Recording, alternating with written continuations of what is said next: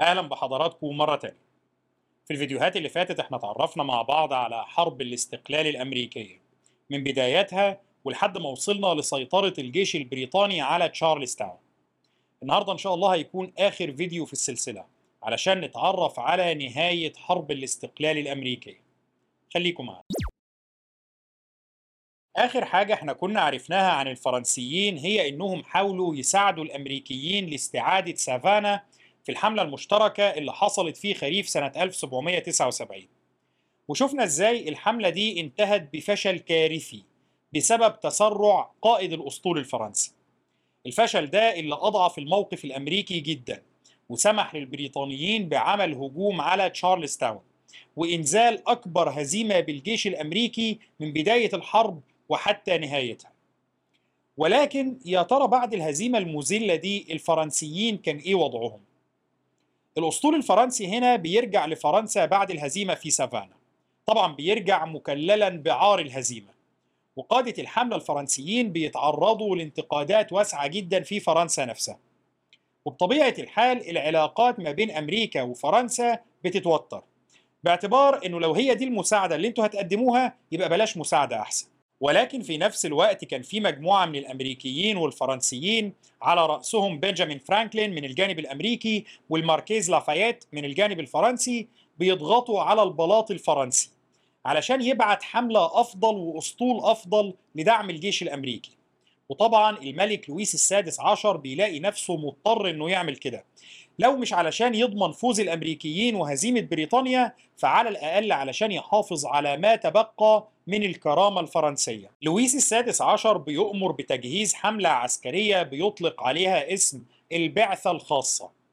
الحملة دي كانت بقيادة واحد اسمه الكونت دي روشامبو وكانت مكونة من حوالي 5500 جندي. كان المفترض إن في حوالي 2500 جندي تانيين هينضموا ليهم ولكن الأسطول البريطاني بينجح في منع وصولهم للحاق بالحملة فبتتحرك الحملة المكونة من قرابة ال 6000 جندي على متن سفن الأسطول الفرنسي في اتجاه أمريكا وبتوصل فعلا للسواحل الأمريكية يوم 10 يوليو سنة 1780 اللي هو بعد حوالي شهرين من استسلام القوات الأمريكية للبريطانيين في تشارلز تاون بيتم اختيار منطقة رود آيلاند لإنزال القوات الفرنسية باعتبار إن هي منطقة ساحلية قريبة من قوات واشنطن الرئيسية في بنسلفانيا وقريبة من نيويورك. اللي هي المعسكرات بتاعه البريطانيين. الفرنسيين من رود آيلاند كانوا يقدروا يتحركوا في أي اتجاه. طبعا البريطانيين كانوا أخلوا منطقة رود آيلاند من القوات بتاعتهم قبل ما يهاجموا تشارلز تاون فالفرنسيين بيلاقوها فرصة كويسة إنهم يسيطروا على المنطقة قبل ما البريطانيين يرجعوا يتمركزوا فيها ويستغلوها مرة تانية. ولكن بمجرد ما بيتم إنزال القوات الفرنسية في رود آيلاند الأسطول البريطاني اللي كان بيحاول يلحق بالأسطول الفرنسي بيقدر يحاصر الأسطول الفرنسي في منطقة مليئة بالمضايق والجزر على سواحل رود آيلاند. وجود السفن الفرنسية في المنطقة دي كان مخليها محمية من الهجوم البريطاني المباشر. لأن السفن البريطانية لو دخلت علشان تهاجم السفن الفرنسية هتفقد التشكيلات القتالية بتاعتها. وهتبقى تحت رحمة الفرنسيين. ولكن في الوقت نفسه السفن الفرنسية كانت ما تقدرش تخرج لأنهم لو حاولوا يخرجوا هم اللي هيفقدوا التشكيلات القتالية ويبقوا تحت رحمة البريطانيين.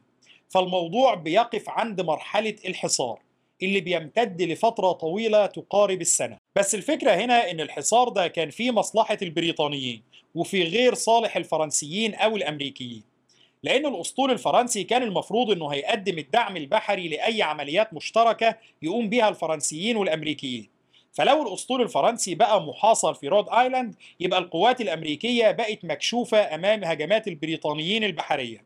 بينما القوات البريطانية كانت تقدر تتلقى الدعم البحري من الأسطول بتاعها في أي وقت. واللي زاد من سوء الموقف هنا هو إن الكونت روشامبو قائد البعثة الفرنسية رفض في البداية إنه يتحرك من رود آيلاند. علشان يفضل قريب من السفن الفرنسية المحاصرة لتقديم الدعم لهم وقت الحاجة. اللي هو حتى لما واشنطن قال له طيب سيب السفن دي متحاصرة زي ما هي وهات القوات بتاعتك علشان تنضم للقوات بتاعتي ونعمل حملات برية مشتركة الراجل رفض. قال له لأن البريطانيين لو هاجموا السفن الفرنسية أنا لازم أكون موجود بالقوات بتاعتي جنبهم علشان أقدر أقدم لهم الدعم. بس الفكرة إن الموقف الفرنسي ده بيخلي وجود القوات الفرنسية زي عدمه. في كام ألف جندي فرنسي وكام سفينة حربية موجودين في رود آيلاند؟ بيعملوا إيه هناك؟ ولا أي حاجة. مستنيين الفرج الموقف الفرنسي السلبي ده بيخلي الأمريكيين مضطرين إن هم يعتمدوا على نفسهم في المرحلة دي. إحنا شفنا في الفيديو اللي فات إزاي بعد هزيمة الجيش الأمريكي في تشارلز تاون كان في مقاومة عنيفة من رجال الميليشيا الثورية للوجود البريطاني. وشفنا بعدها إزاي الكونجرس قرر إرسال الجنرال جيتس للجنوب. ولكنه اتعرض لهزيمة مذلة على يد البريطانيين في معركة كامدن اللي حصلت في شهر أغسطس سنة 1780 وشفنا برضو إن السياسات البريطانية اللي كان الهدف منها الضغط على المستوطنين علشان ينحازوا إلى جانب بريطانيا في الصراع بتجيب نتائج عكسية. البريطانيين كانوا حاولوا إنهم يفرضوا على كل المستوطنين في كارولاينا الجنوبية وفي جورجيا إنهم يقسموا يمين بالولاء لملك بريطانيا. وإلا هيتم اعتبارهم متمردين على التاج البريطاني ويحق للبريطانيين إنهم يصادروا ممتلكاتهم. طبعا النقطة دي ما عجبتش المستوطنين بالرغم من إنه كان في قطاع عريض جدا يعتبر على الحياد ومش فارق معاه لا ثورة ولا استقلال ولا بريطانيا دول كانوا أصحاب مزارع عايزين يبعدوا عن الوش. ولكن القطاع ده بيلاقي نفسه أمام خيار من اتنين يا إما يقسموا بالولاء لبريطانيا وبعدها كان متوقع منهم إنهم يساعدوا البريطانيين في مجهوداتهم الحربية لأن الاستراتيجية البريطانية في الجنوب أصلا كانت قائمة على أن اللي هيقوم بأغلب الأعمال القتالية هيكونوا مستوطنين متطوعين أو تم تجنيدهم. أو الخيار الثاني هنا كان إنهم يرفضوا القسم وساعتها بريطانيا كانت هتعتبرهم أعداء للتاج البريطاني وممكن تصادر ممتلكاتهم. طبعا الخيارين دول بيستفزوا المستوطنين جدا. وبيخلوا قطاع كبير من اللي كانوا على الحياد سابقا ينحازوا لجانب الميليشيات الثورية. وده ظهر بوضوح في معركة كينجز ماونتن اللي حصلت في شهر أكتوبر سنة 1780 واللي حطمت قوة من الميليشيات المؤيدة لبريطانيا وأثرت بشكل سلبي كبير جدا على حماس أي متعاطفين مع لندن أو تفكيرهم في الانضمام للقوات البريطانية. المعركة دي زي ما قلنا حصلت في شهر أكتوبر. اللي هو مع اقتراب فصل الشتاء في سنة 1780 وهنا كان الطبيعي إن الطرفين يبدأوا يقللوا النشاط العسكري بتاعهم استعدادا للشتاء وانتظارا للعام الجديد. وده بالفعل اللي عمله الجنرال كورنواليس. وبدأ يستعد إنه يعسكر بقواته انتظارا للربيع علشان يتحرك في اتجاه الشمال للسيطرة على كارولاينا الشمالية كمان. إحنا كده سيطرنا على جورجيا وعلى كارولاينا الجنوبية. أو على الأقل سيطرنا على المدن الرئيسية والمناطق الساحلية في المستعمرتين دول. يبقى خلينا نتحرك في اتجاه الشمال علشان نزود مساحة النفوذ البريطاني وعلشان نحاول إننا نجند أعداد أكبر من المتطوعين اللي هم أساس الاستراتيجية القتالية بتاعتنا. ولكن على الجانب الآخر اللي هو الجانب الأمريكي الأمور كانت مشتعلة لأقصى درجة. خسارة الجنرال جيتس ما بتمرش مرور الكرام على جورج واشنطن أو على الكونجرس وخسارة الجنوب نفسها كانت فكرة غير مقبولة على الإطلاق. وعلشان كده بعد قرار الكونجرس غير الموفق بتكليف الجنرال جيتس بالحملة الأولى جورج واشنطن بعدها قرر إنه يتدخل. وقرر إنه يبعت الجنرال ناثانيال جرين اللي هو واحد من أقرب المساعدين بتوعه وأكثرهم كفاءة علشان يقود حملة جديدة في الجنوب. بهدف تحجيم النفوذ البريطاني هناك واستعادة السيطرة الأمريكية على المستعمرات الجنوبية. الجنرال جرين كان واحد من أفضل القادة اللي عندهم قدرة على التخطيط الاستراتيجي في الجيش الأمريكي في الوقت ده. تقريبا أغلب خدمته كانت مع واشنطن نفسه كواحد من كبار ضباطه أو مساعديه أو قادة مؤخرة الجيش بتاعه. والحقيقة إن الراجل سبق له أكتر من مرة إنه أنقذ الجيش الأمريكي كله من هزائم محققة. بحسن التصرف بتاعه. فواشنطن كان واثق إنه هيقدر يعمل فرق في الجنوب. الحملة دي ما بتنتظرش للربيع. مفيش مساحة للكلام ده. جرين بيتم تكليفه بقيادة الحملة دي يوم 14 أكتوبر سنة 1780 وفورا بيبدأ في تجهيز قواته. طبعا الجنرال جرين ما كانش متاح له إنه يقود حملة ضخمة جدا بحيث إنه يقدر يحقق تفوق عددي على البريطانيين. لكنه بيحاول يستعيض عن ده بإنه يدعم صفوفه بقادة رفيعي المستوى. كان أهمهم القائد الألماني فون شتايبن والقائد الفرنسي الماركيز لافايت والاثنين كانوا أثبتوا كفاءة فائقة خلال الفترات السابقة في الحرب. حملة الجنرال جرين بتوصل كارولاينا الشمالية في شهر ديسمبر سنة 1780 وهناك الجنرال جرين بيقرر إنه يخالف التوقعات ويقسم جيشه لقسمين. الطبيعي في حالة زي حالة جرين إنه ما يقسمش جيشه ابدا علشان يحافظ على أعداد قوات فعالة في المعركة. لكنه بيلجأ لاستراتيجية أفضل بكتير وهي إنه بيقسم جيشه لقسمين. القسم الأول بيكون بقيادته هو شخصيا. وده بيتحرك في اتجاه الجنوب الشرقي. وفي قسم تاني بقيادة واحد من ضباطه اسمه دانيال مورجان وده هيتحرك في اتجاه الجنوب الغربي. طيب الهدف من التقسيم ده كان إيه؟ القوى اللي بقيادته هو شخصيا كان الهدف من تحركاتها هو إنهاك وإلهاء وتعطيل القوة الرئيسية للجيش البريطاني بقيادة الجنرال كورنواليس. هو ما كانش عايز يحاول يحاربه أو يهزمه مباشرة. لأنه كان عارف إن أي معركة مباشرة هنا هو اللي هيتهزم فيها. وإنما كان عايز ينهكه ويلهيه يشغله بمطاردات عقيمة وحرب عصابات وحرب استنزاف لحد ما يقدر يوازن الكفة شوية بما يسمح بمواجهة مباشرة. أما القسم الثاني من جيشه فده كان الهدف من تحركاته هو أنه يلتف حوالين الجيش البريطاني من اتجاه الغرب بحيث أنه يبدأ يضرب البريطانيين من الخلف. بدل ما هم بيهاجموا الأمريكيين وهم مطمنين أن ظهرهم متغطي لا. لو القسم ده نجح في مهمته هيبقى كورنواليس متحاصر ما بين قوة أمريكية بقيادة جرين من الشمال وقوة أمريكية تانية بقيادة مورجان هتلتف حواليه من الجنوب. وطبعا أول ما أخبار التحركات دي بتوصل لكورنواليس بيضطر هو كمان يقسم جيشه بحيث إنه يبقى فيه قسم بقيادته علشان يتصدى لجرين وقسم تاني بقيادة جنرال اسمه تارلتون. علشان يتصدى لمورجان أول معركة بتحصل في الحملة دي بتكون ما بين الجنرال تارلتون ومورجان يوم 17 يناير سنة 1781 ودي اللي هي المعركة المعروفة باسم معركة كاوبنز. في المعركة دي القوات الأمريكية بقيادة دانيال مورجان بتنجح في عمل تطويق للقوات البريطانية من الجانبين وبتقضي على القوة البريطانية تقريبا. من بين حوالي 1100 جندي بريطاني في حوالي 340 جندي بيسقطوا ما بين قتلى وجرحى وفي حوالي 600 جندي بيتم أسرهم وما بينجحش في الهروب إلا الجنرال تارلتون ومعاه أقل من 200 جندي. كل الخسائر دي كانت في مقابل 25 قتيل في الجانب الأمريكي فقط. طبعا دي كانت هزيمة كاملة. بتفتح الباب للقوات الأمريكية لاستعادة نفوذها في الجنوب مرة تانية وربما للالتفاف حوالين قوات كورنواليس. وكورنواليس كان مستحيل يسمح بده. وعلشان كده بيقرر إنه يطارد قوات مورجان ويحطمها علشان يقضي على التهديد ده تماما. بس المشكلة هنا كانت إنه تحركات مورجان كانت أسرع من تحركات كورنواليس بكتير وده بينهك قوات كورنواليس بشدة. كورنواليس هنا بياخد قرار غبي جدا وهو إنه يتخلى عن قسم كبير من الإمدادات اللي مع الجيش بتاعه واللي كانت بتبطئ الحركة بتاعته. علشان يقدر يتحرك أسرع ويطارد مورجان أسرع. وأول ما المعلومة دي بتوصل لجنرال جرين بيقرر إنه يضم قواته مرة تانية مع قوات مورجان وينسحبوا هما الاثنين في اتجاه كارولاينا الشمالية على أمل إن كورنواليس يطلع ساذج بما يكفي ويطاردهم هناك وهو ما فيش معاه إمدادات كافية.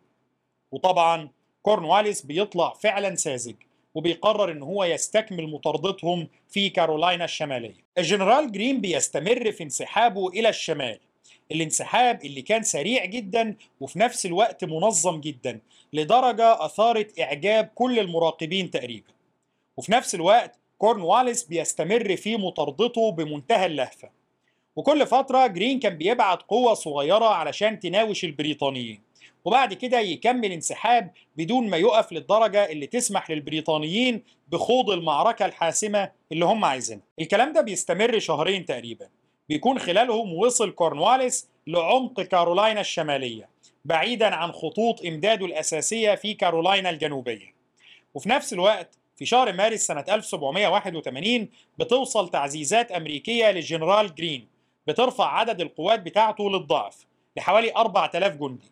بينما قوات كورنواليس في الوقت ده كان عددها حوالي 2000 جندي فقط. وهنا جرين بيتوقف وبيقرر إنه يخوض معركة مع كورنواليس. المعركة دي اللي هي معركة جيلفورد كورت هاوس واللي بتحصل يوم 15 مارس سنة 1781 في المعركة دي كورنواليس بيهاجم الأمريكيين أكتر من مرة.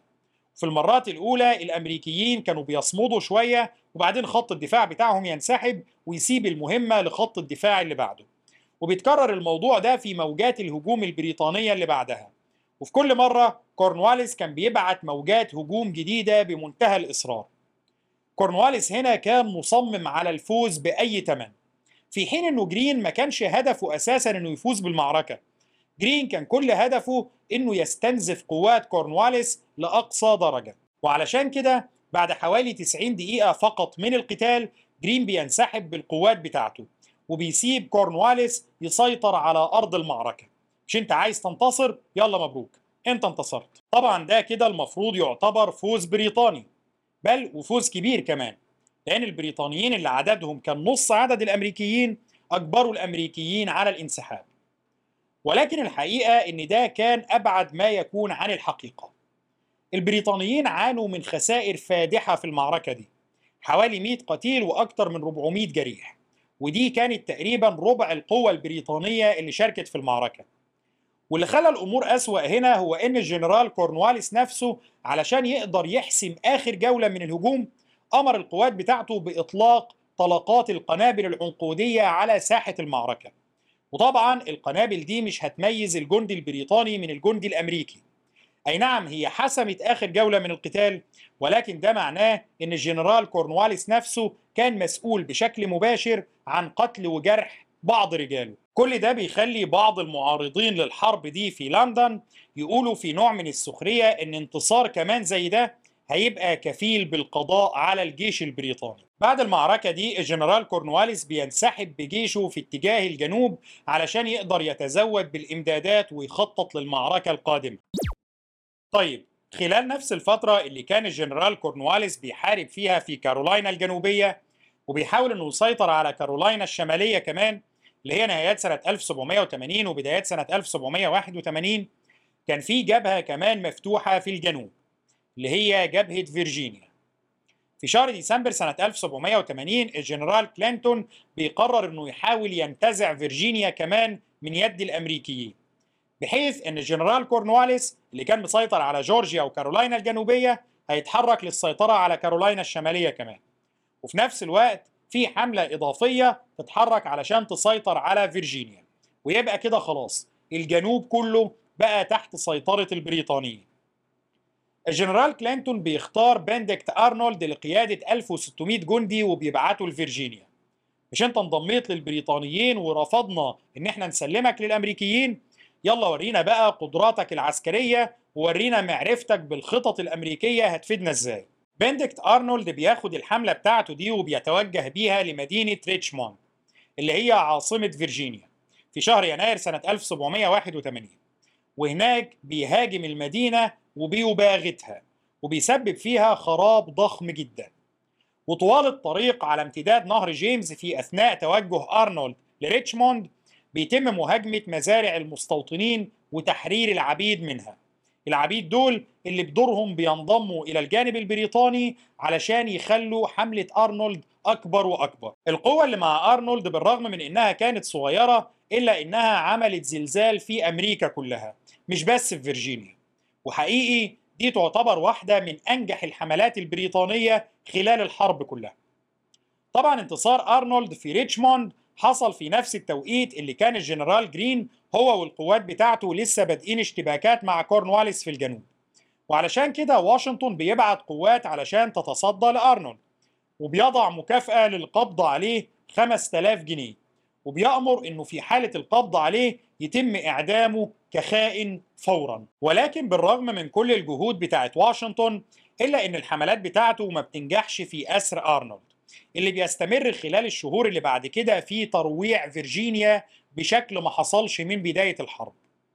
الكلام ده بيستمر لحد ما كورنواليس بيحقق انتصاره الهزيل في جيلفورد كورت هاوس وبيضطر بعدها إنه ينسحب في اتجاه الجنوب لمدينة ويلمنغتون في مستعمرة كارولاينا الشمالية. وهناك بيبدأ يتشاور مع لندن في الخطوات القادمة. هو المفروض هنا كان إنه يتشاور مع الجنرال كلينتون باعتبار إن كلينتون هو القائد المباشر بتاعه.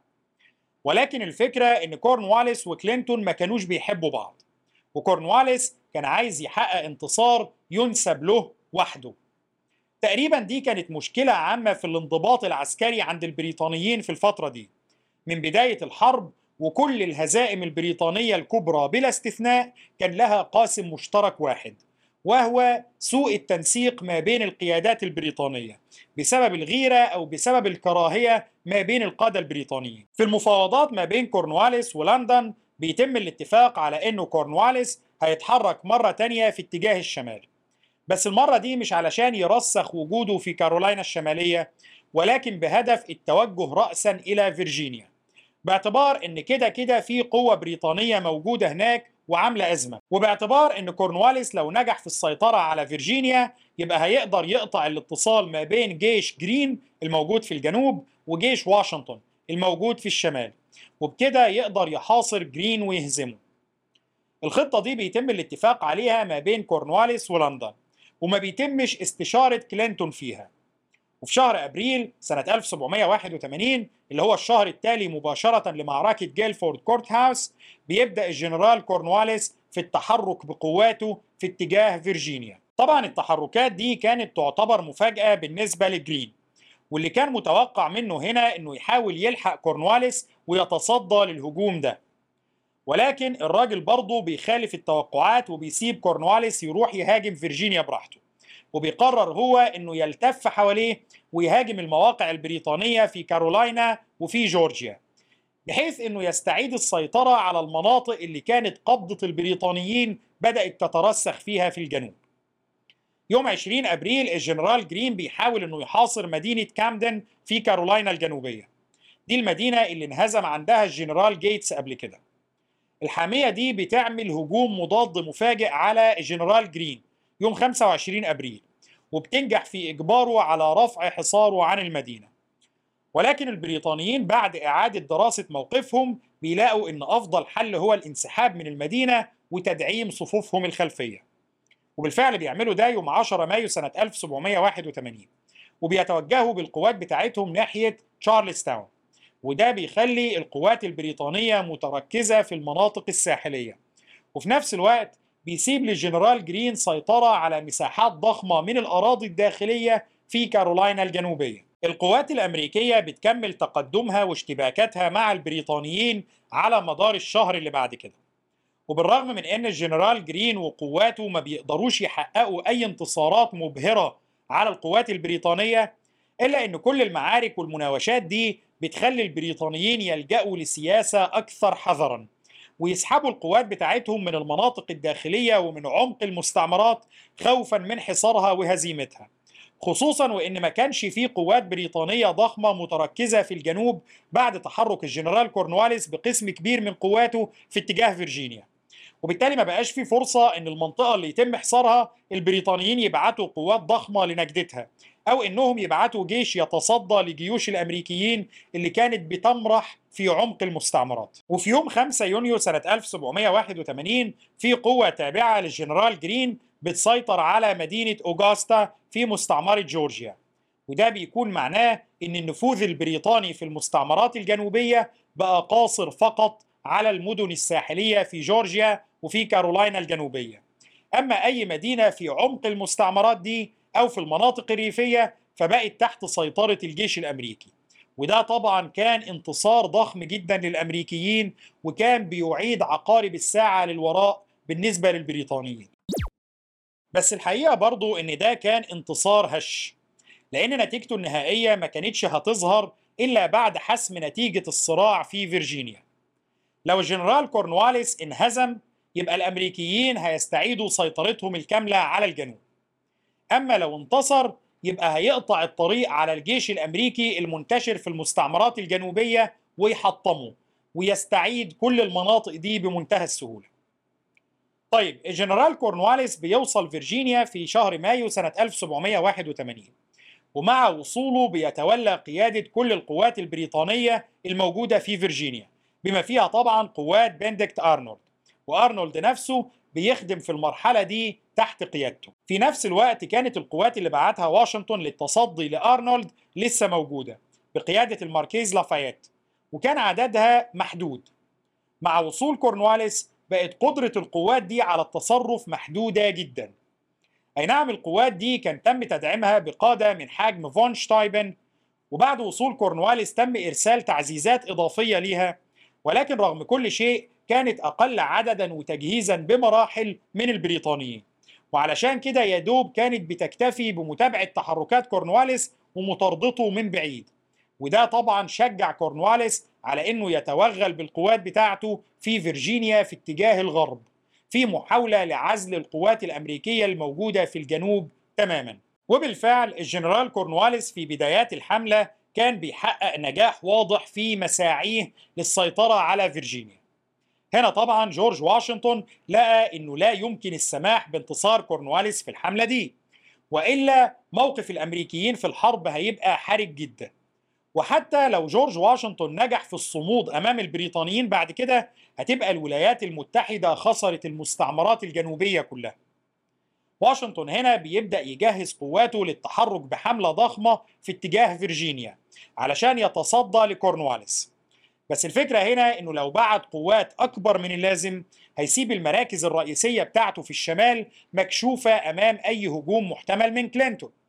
وفي نفس الوقت لو بعت قوات قليلة هتنهزم. طيب كده يتصرف ويجيب قوات منين؟ هنا أنظار واشنطن بتتجه ناحية القوات الفرنسية اللي كان تم إنزالها في رود آيلاند قبل سنة اللي هي القوات اللي كانت بقيادة الكونت روشامبو واللي كانت بمجرد إنزالها في رود آيلاند الأسطول اللي معاها اتحاصر زي ما قلنا. وبالتالي القوات دي رفضت تتحرك علشان تبقى بجانب الأسطول الفرنسي لدعمه بس الفكرة إن القوات دي كان بقالها سنة تقريبا على الوضع ده. واشنطن هنا بيبدأ يضغط عليهم علشان يتحركوا. ولو أنتوا باعتين جيش وأسطول علشان الأسطول يتحاصر والجيش يقعد جنبه يبقى كتر خيركم يا جماعة. خدوا الجيش والأسطول وارجعوا أنتوا لفرنسا. الحرب دلوقتي بقت في المراحل الحاسمة والأداء الفرنسي كان سيء جدا من بدايات الحرب لحد دلوقتي. فيا إما فرنسا تورينا أي إنجاز يا إما التحالف ده يبقى ملوش أي معنى. الكونت روشامبو فعلا بيقتنع بالمنطق بتاع واشنطن وبيقرر إن هو يحرك القوات بتاعته علشان تنضم بريا لقوات واشنطن ويقدروا يتحركوا في اتجاه فيرجينيا للتصدي لكورنواليس. وهنا بيحصل سوء الفهم البريطاني اللي بيساهم في تغيير مسار الحرب. الجنرال كلينتون لما بتوصله أخبار تجمع قوات روشامبو مع قوات واشنطن بيبدأ يقلق. ده تحرك كبير ومهم. كلينتون بيتخيل إن التحرك ده تمهيد لأن واشنطن هياخد القوات المشتركة ويهاجم القاعدة البريطانية الرئيسية في نيويورك. اللي هو خلي البريطانيين يلعبوا في فيرجينيا براحتهم وإحنا هنروح نحطم مركز القيادة بتاعهم في نيويورك وننهي الحرب تماما. بالمناسبة كلينتون هنا ما كانش غلطان قوي في تفكيره لأن فعلا واشنطن كان بيفكر إن هو يعمل كده. بينما روشامبو هو اللي كان مصمم على الهجوم على فيرجينيا وبينجح بالفعل في إقناع واشنطن بخطته في اللحظات الأخيرة زي ما هنشوف دلوقتي. نقدر نقول هنا إن كلينتون كان فاهم كويس جدا طريقة تفكير واشنطن ولكنه ما توقعش إن روشامبو هيكون له الدور الأكبر في صناعة القرار في المرحلة دي. ومع قلق كلينتون من الخطوة دي بيبعت للجنرال كورنواليس يطلب منه إنه يتحرك بالقوات بتاعته من عمق فيرجينيا وينشئ معسكر على سواحل فيرجينيا علشان يبقى جاهز إن الأسطول البريطاني ينقله لنيويورك وقت الضرورة. اللي هو لو واشنطن فعلا هيتحرك في الاتجاه ده وهيهاجم نيويورك يبقى هيفاجأ بإن بريطانيا هتنقل له خلال أيام قليلة جدا جيش ضخم جدا اللي هو الجيش بتاع كورنواليس علشان يطوقه. ويبقى كده بريطانيا هي اللي نجحت في قلب الموازين أمام واشنطن. لحد المرحلة دي التحركات العسكرية كانت منطقية من الناحيتين. كل طرف منهم كان بيتصرف بشكل منطقي طبقا لمقتضيات الموقف وطبقا للمعلومات المتاحة له. قوات واشنطن وروشامبو بتتجمع مع بعضها يوم 7 يوليو وبتكون جاهزة للتحرك. ولكن قبل الخطوة الأخيرة قبل ما يقرروا هيتحركوا في اتجاه نيويورك ولا في اتجاه فيرجينيا كان فيه شيء إضافي واحد واشنطن منتظره. ولو حصل كان هيبقى فرص واشنطن في الانتصار أكبر بكتير جدا. الشيء ده اللي هو موقف الأسطول الفرنسي.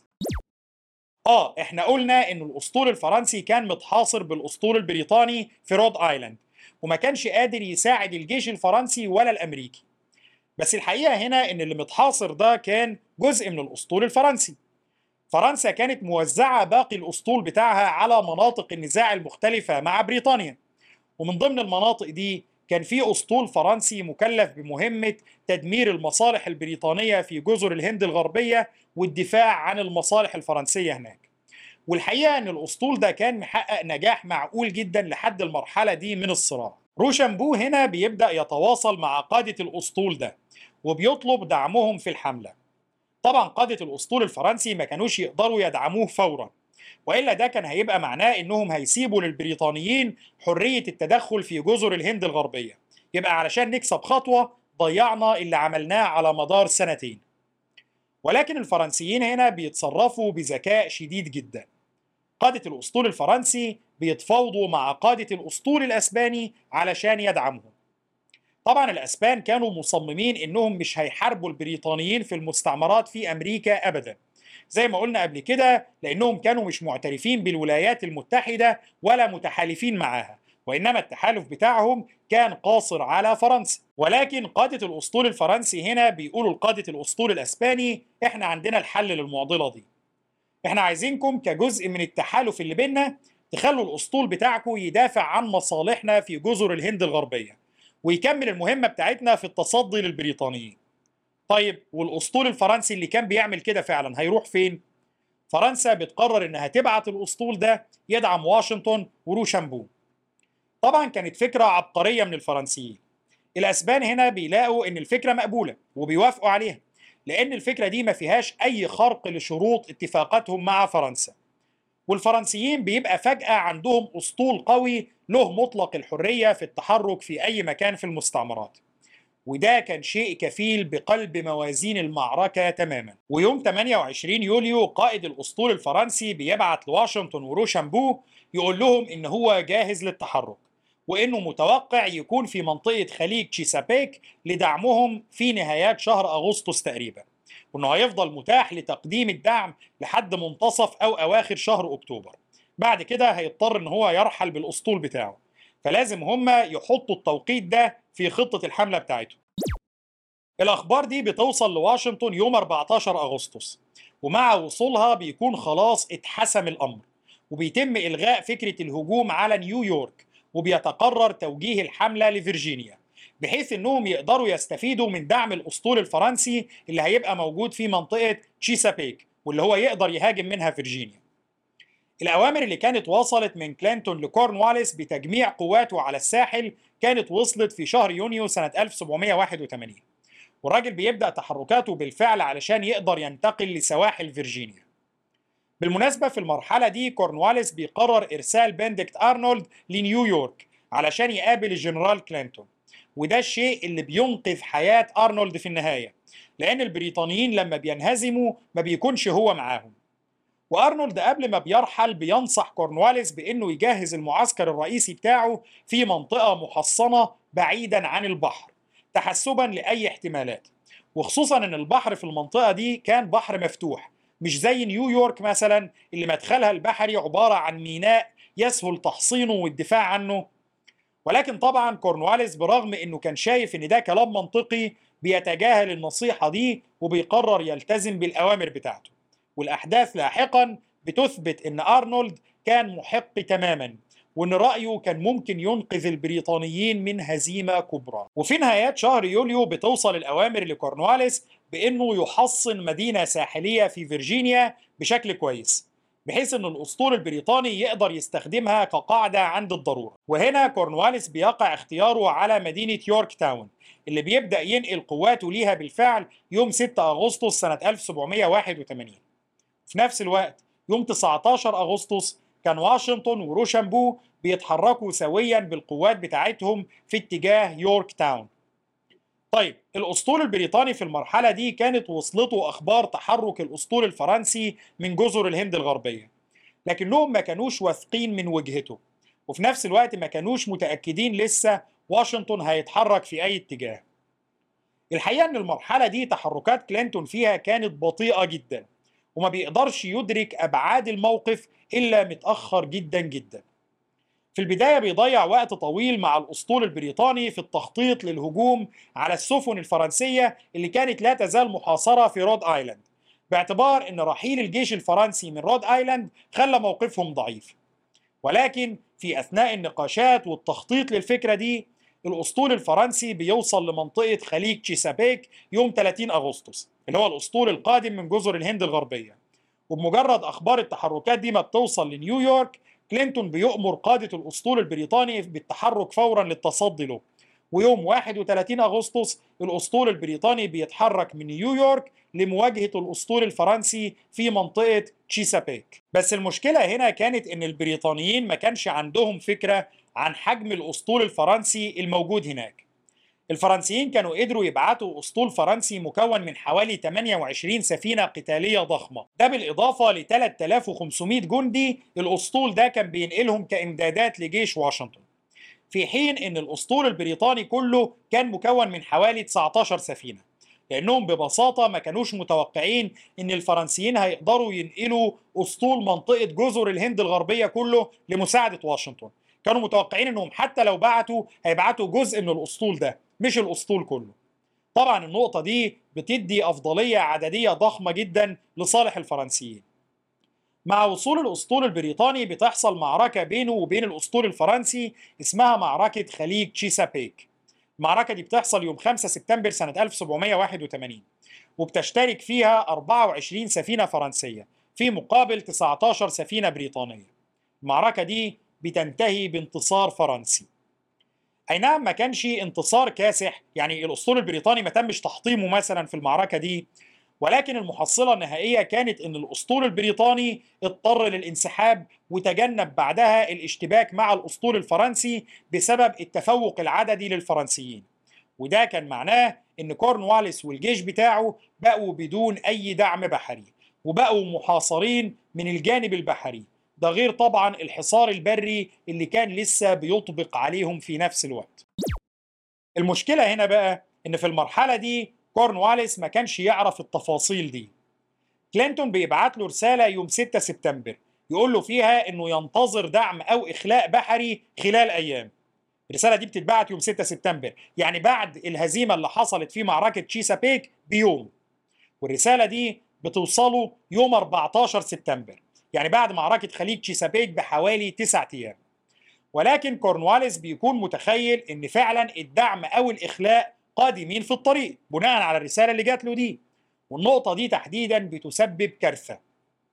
في توقيت وصول الرسالة دي ما كانش لسه الحصار الأمريكي الفرنسي من الناحية البرية اكتمل حوالين يورك تاون. أغلب القوات الأمريكية اللي كانت موجودة على الخطوط الأمامية بالقرب من يورك تاون كانت قوات محدودة وضعيفة نسبيا بقيادة الماركيز لافايت.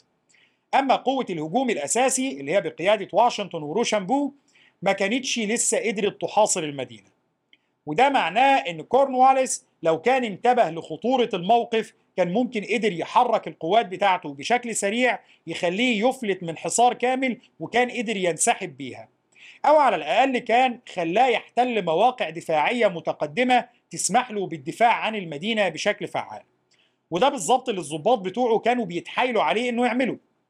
ولكنه بسبب الرسالة اللي وصلت له من كلينتون واللي بتقول له إن هو هيتم اخلاؤه خلال أيام بيقول للضباط بتوعه إنه مفيش أي داعي لكل التعقيدات دي وإن الأسطول البريطاني في الطريق. فإحنا لازم نستعد للإخلاء السريع مش نستعد لحصار طويل وتحصينات وخنادق ومواقع دفاعية.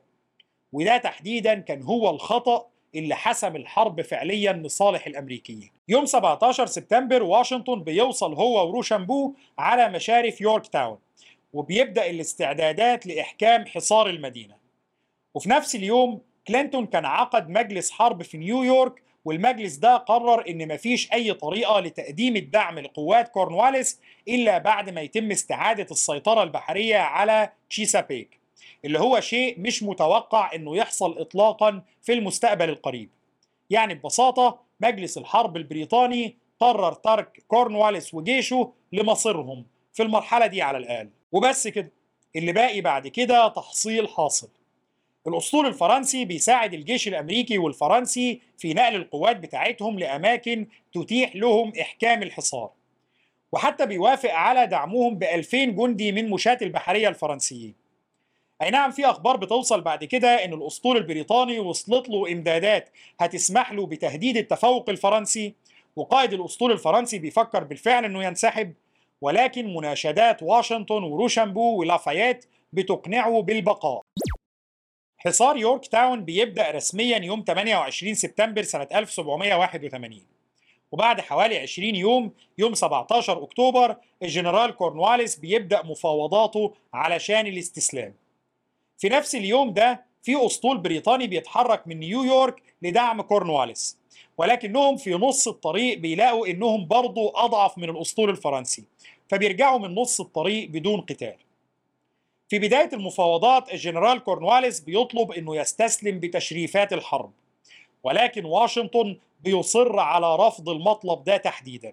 وبيفكره إن لما بنجامين لينكولن استسلم لهم في تشارلز تاون مع 5000 جندي أمريكي أصر على إذلالهم ورفض منحهم التشريفات دي. ويوم 19 أكتوبر سنة 1781 بيستسلم الجنرال كورنواليس لواشنطن وقواته. لما بيتم عمل مراسم للاستسلام كورنواليس نفسه بيتحجج بالمرض وما بيحضرش المراسم دي. وبيبعت واحد من الضباط بتوعه علشان يسلم السيف بتاع كورنواليس للمنتصرين. الضابط ده بيحاول إنه يسلم السيف بتاع كورنواليس لواحد من الضباط الفرنسيين علشان ما يبقاش بيستسلم للأمريكان. ولكن طلبه ده بيقابل بالرفض وبيخلوه يسلم السيف ده لبنجامين لينكولن اللي هو نفس القائد اللي انهزم واستسلم لكورنواليس وكلينتون قبل أكتر من سنة. ومع استسلام القوات دي بيتم القبض على الجنود وحراستهم وبيتم إرسال القادة إلى نيويورك وواشنطن بيصدر الأوامر بتاعته بالتحفظ على أي عبيد فارين كانوا بيحاربوا لصالح البريطانيين. تمهيدا لإعادتهم لسادتهم مرة تانية. وطبعا مع وصول الأخبار دي لنيويورك بتحصل صدمة كبرى. ولكن مع وصولها للندن يوم 25 نوفمبر سنة 1781 بيحصل زلزال في لندن. الأخبار دي بتكون صدمة مرعبة للورد نورث اللي هو رئيس الوزراء البريطاني.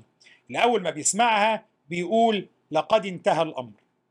أما الملك جورج نفسه فبيستقبل الخبر بهدوء ظاهر. ولكنه مع الصدمة اللي بتحصل للرأي العام والغضب العارم اللي بيحصل الموضوع بيوصل لأن الملك نفسه بيدرس التنحي عن العرش. باعتبار أن الهزيمة دي كان معناها خسارته للحرب وأن المستعمرات اللي هي جزء كبير من مملكته قدرت تنال استقلالها الفعلي. الأوامر بتصدر باستدعاء الجنرال كلينتون للندن وبيتم تعيين الجنرال كارلتون مكانه. كمسؤول عن القوات البريطانية في نيويورك ولكن بتصدر له أوامر بإيقاف كل العمليات العسكرية لحد ما يشوفوا هيعملوا إيه.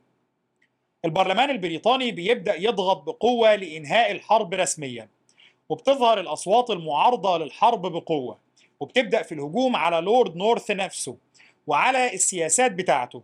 السياسات دي اللي تسببت في اندلاع الحرب من الأساس وبعدها السياسات اللي تسببت في خسارة بريطانيا للحرب.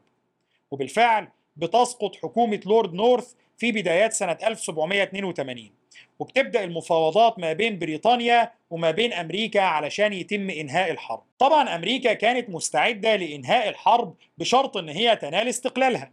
فخلاص ما دام بريطانيا بقت متقبلة فكرة الاستقلال الموضوع بالنسبة لأمريكا بقى محسوم. ولكن الأمور ما بتمشيش بالبساطة دي. أمريكا كانت متحالفة مع فرنسا وبموجب المعاهدة ما بينهم ما كانتش تقدر تعقد سلام منفرد مع بريطانيا. وفرنسا كانت متحالفة مع أسبانيا وبرضه كان لازم تتفاهم معاها هتعمل إيه مع نهاية الحرب. أسبانيا في التوقيت ده كانت بتحاول إنها تسيطر على منطقة جبل طارق وتنتزعه من بريطانيا. ولكن بريطانيا كانت بتقاوم ده بعنف شديد جدا. وفرنسا برضه كانت بتحاول إن هي تعزز مكاسبها قبل نهاية الحرب. ولكن على أي حال بالرغم من المحاولات الأسبانية العنيفة إلا أن بريطانيا نجحت في الاحتفاظ بسيطرتها على جبل طارق في النهاية. لكن إحنا اللي يهمنا هنا بشكل أساسي هو اللي كان بيحصل في أمريكا نفسها. مع بداية المفاوضات لإنهاء الحرب بيبدأ الحلفاء ينقلبوا على بعضهم. فرنسا وإسبانيا بعد ما لقوا إن أمريكا هتنال استقلالها بدأوا يستعيدوا أطماعهم في المستعمرات في أمريكا الشمالية. فرنسا بدأت تتفاوض مع بريطانيا على أساس إن حدود الولايات المتحدة من الجانب الغربي لازم تكون هي جبال الأبالاتشي وإن أمريكا ما يكونش مسموح لها إنها تتمدد غربا. وبتحاول تقنع بريطانيا بإن ده يتماشى مع خط الحدود اللي كان أعلنه ملك بريطانيا سنة 1763 واسبانيا بتبدأ تطمع إنها تاخد جورجيا على أساس إنها ممكن تبقى امتداد لأراضيها. الدولتين كانوا بيحاولوا إنهم يضعفوا الولايات المتحدة قدر الإمكان علشان تبقى معتمدة عليهم بشكل كامل ويبقى في مدخل لاستعادة نفوذ الدولتين دول في أمريكا الشمالية. وهنا بتتجلى البراغماتيه البريطانية في أبهى صورها. بريطانيا كانت أي نعم محملة بالمرارة من هزيمتها ومن فقدان المستعمرات. ولكنها في الوقت نفسه ما فقدتش حسن تمييز الأمور. وعلشان كده البريطانيين كانوا فاهمين إنهم مدام كده كده خسروا المستعمرات دي يبقى مش لازم يسمحوا كمان لفرنسا وأسبانيا إنهم يتفوقوا على بريطانيا. وهنا السياسة البريطانية بتركز على تقوية الولايات المتحدة ومنحها صلاحيات وسيادات دولة كاملة. بحيث إن الدولة الناشئة دي تقدر تتصدى لأطماع فرنسا وأسبانيا في المنطقة. بدل ما يسيبوا دولة ضعيفة تقتسمها أسبانيا وفرنسا لاحقا. وعلشان كده بريطانيا بتوافق على مطالب الولايات المتحدة بمنحها استقلالها وبمنحها حقوق الصيد أمام السواحل الكندية وبتمد حدودها الغربية لحد نهر المسيسيبي. وبكده بتبقى ضمنت نشوء دولة قوية من أول يوم. دولة قادرة للتصدي لأطماع أسبانيا أو فرنسا في العالم الجديد. بل والدولة دي هي اللي هتبقى منافس للنفوذ الأسباني والنفوذ الفرنسي هناك بعد كده. بريطانيا وأمريكا بيوقعوا على الشروط المبدئية دي في شهر نوفمبر سنة 1782 ولكن طبعا ده ما بيعتبرش اتفاق سلام نهائي لأن كان لسه فرنسا وأسبانيا في حالة حرب مع بريطانيا. الاتفاق ده بس بريطانيا بتعمله مع أمريكا علشان تحط فرنسا وأسبانيا أمام الأمر الواقع. وده بالفعل اللي بيحصل. أما مع نهاية الأعمال القتالية ما بين فرنسا وإسبانيا وما بين بريطانيا فبيتم توقيع اتفاقية سلام كاملة اللي هي اتفاقية باريس اللي بيتم توقيعها يوم 3 سبتمبر سنة 1783 ودي اللي بتكون الختام الرسمي للحرب دي وبترحل بعدها القوات البريطانية عن أمريكا. بكده بيكون انتهى الجزء ده من تاريخ الولايات المتحدة. شكرا لحضراتكم على صبركم طوال الفترة دي. وإن شاء الله نلتقي بحضراتكم في موضوعات جديدة قريبا.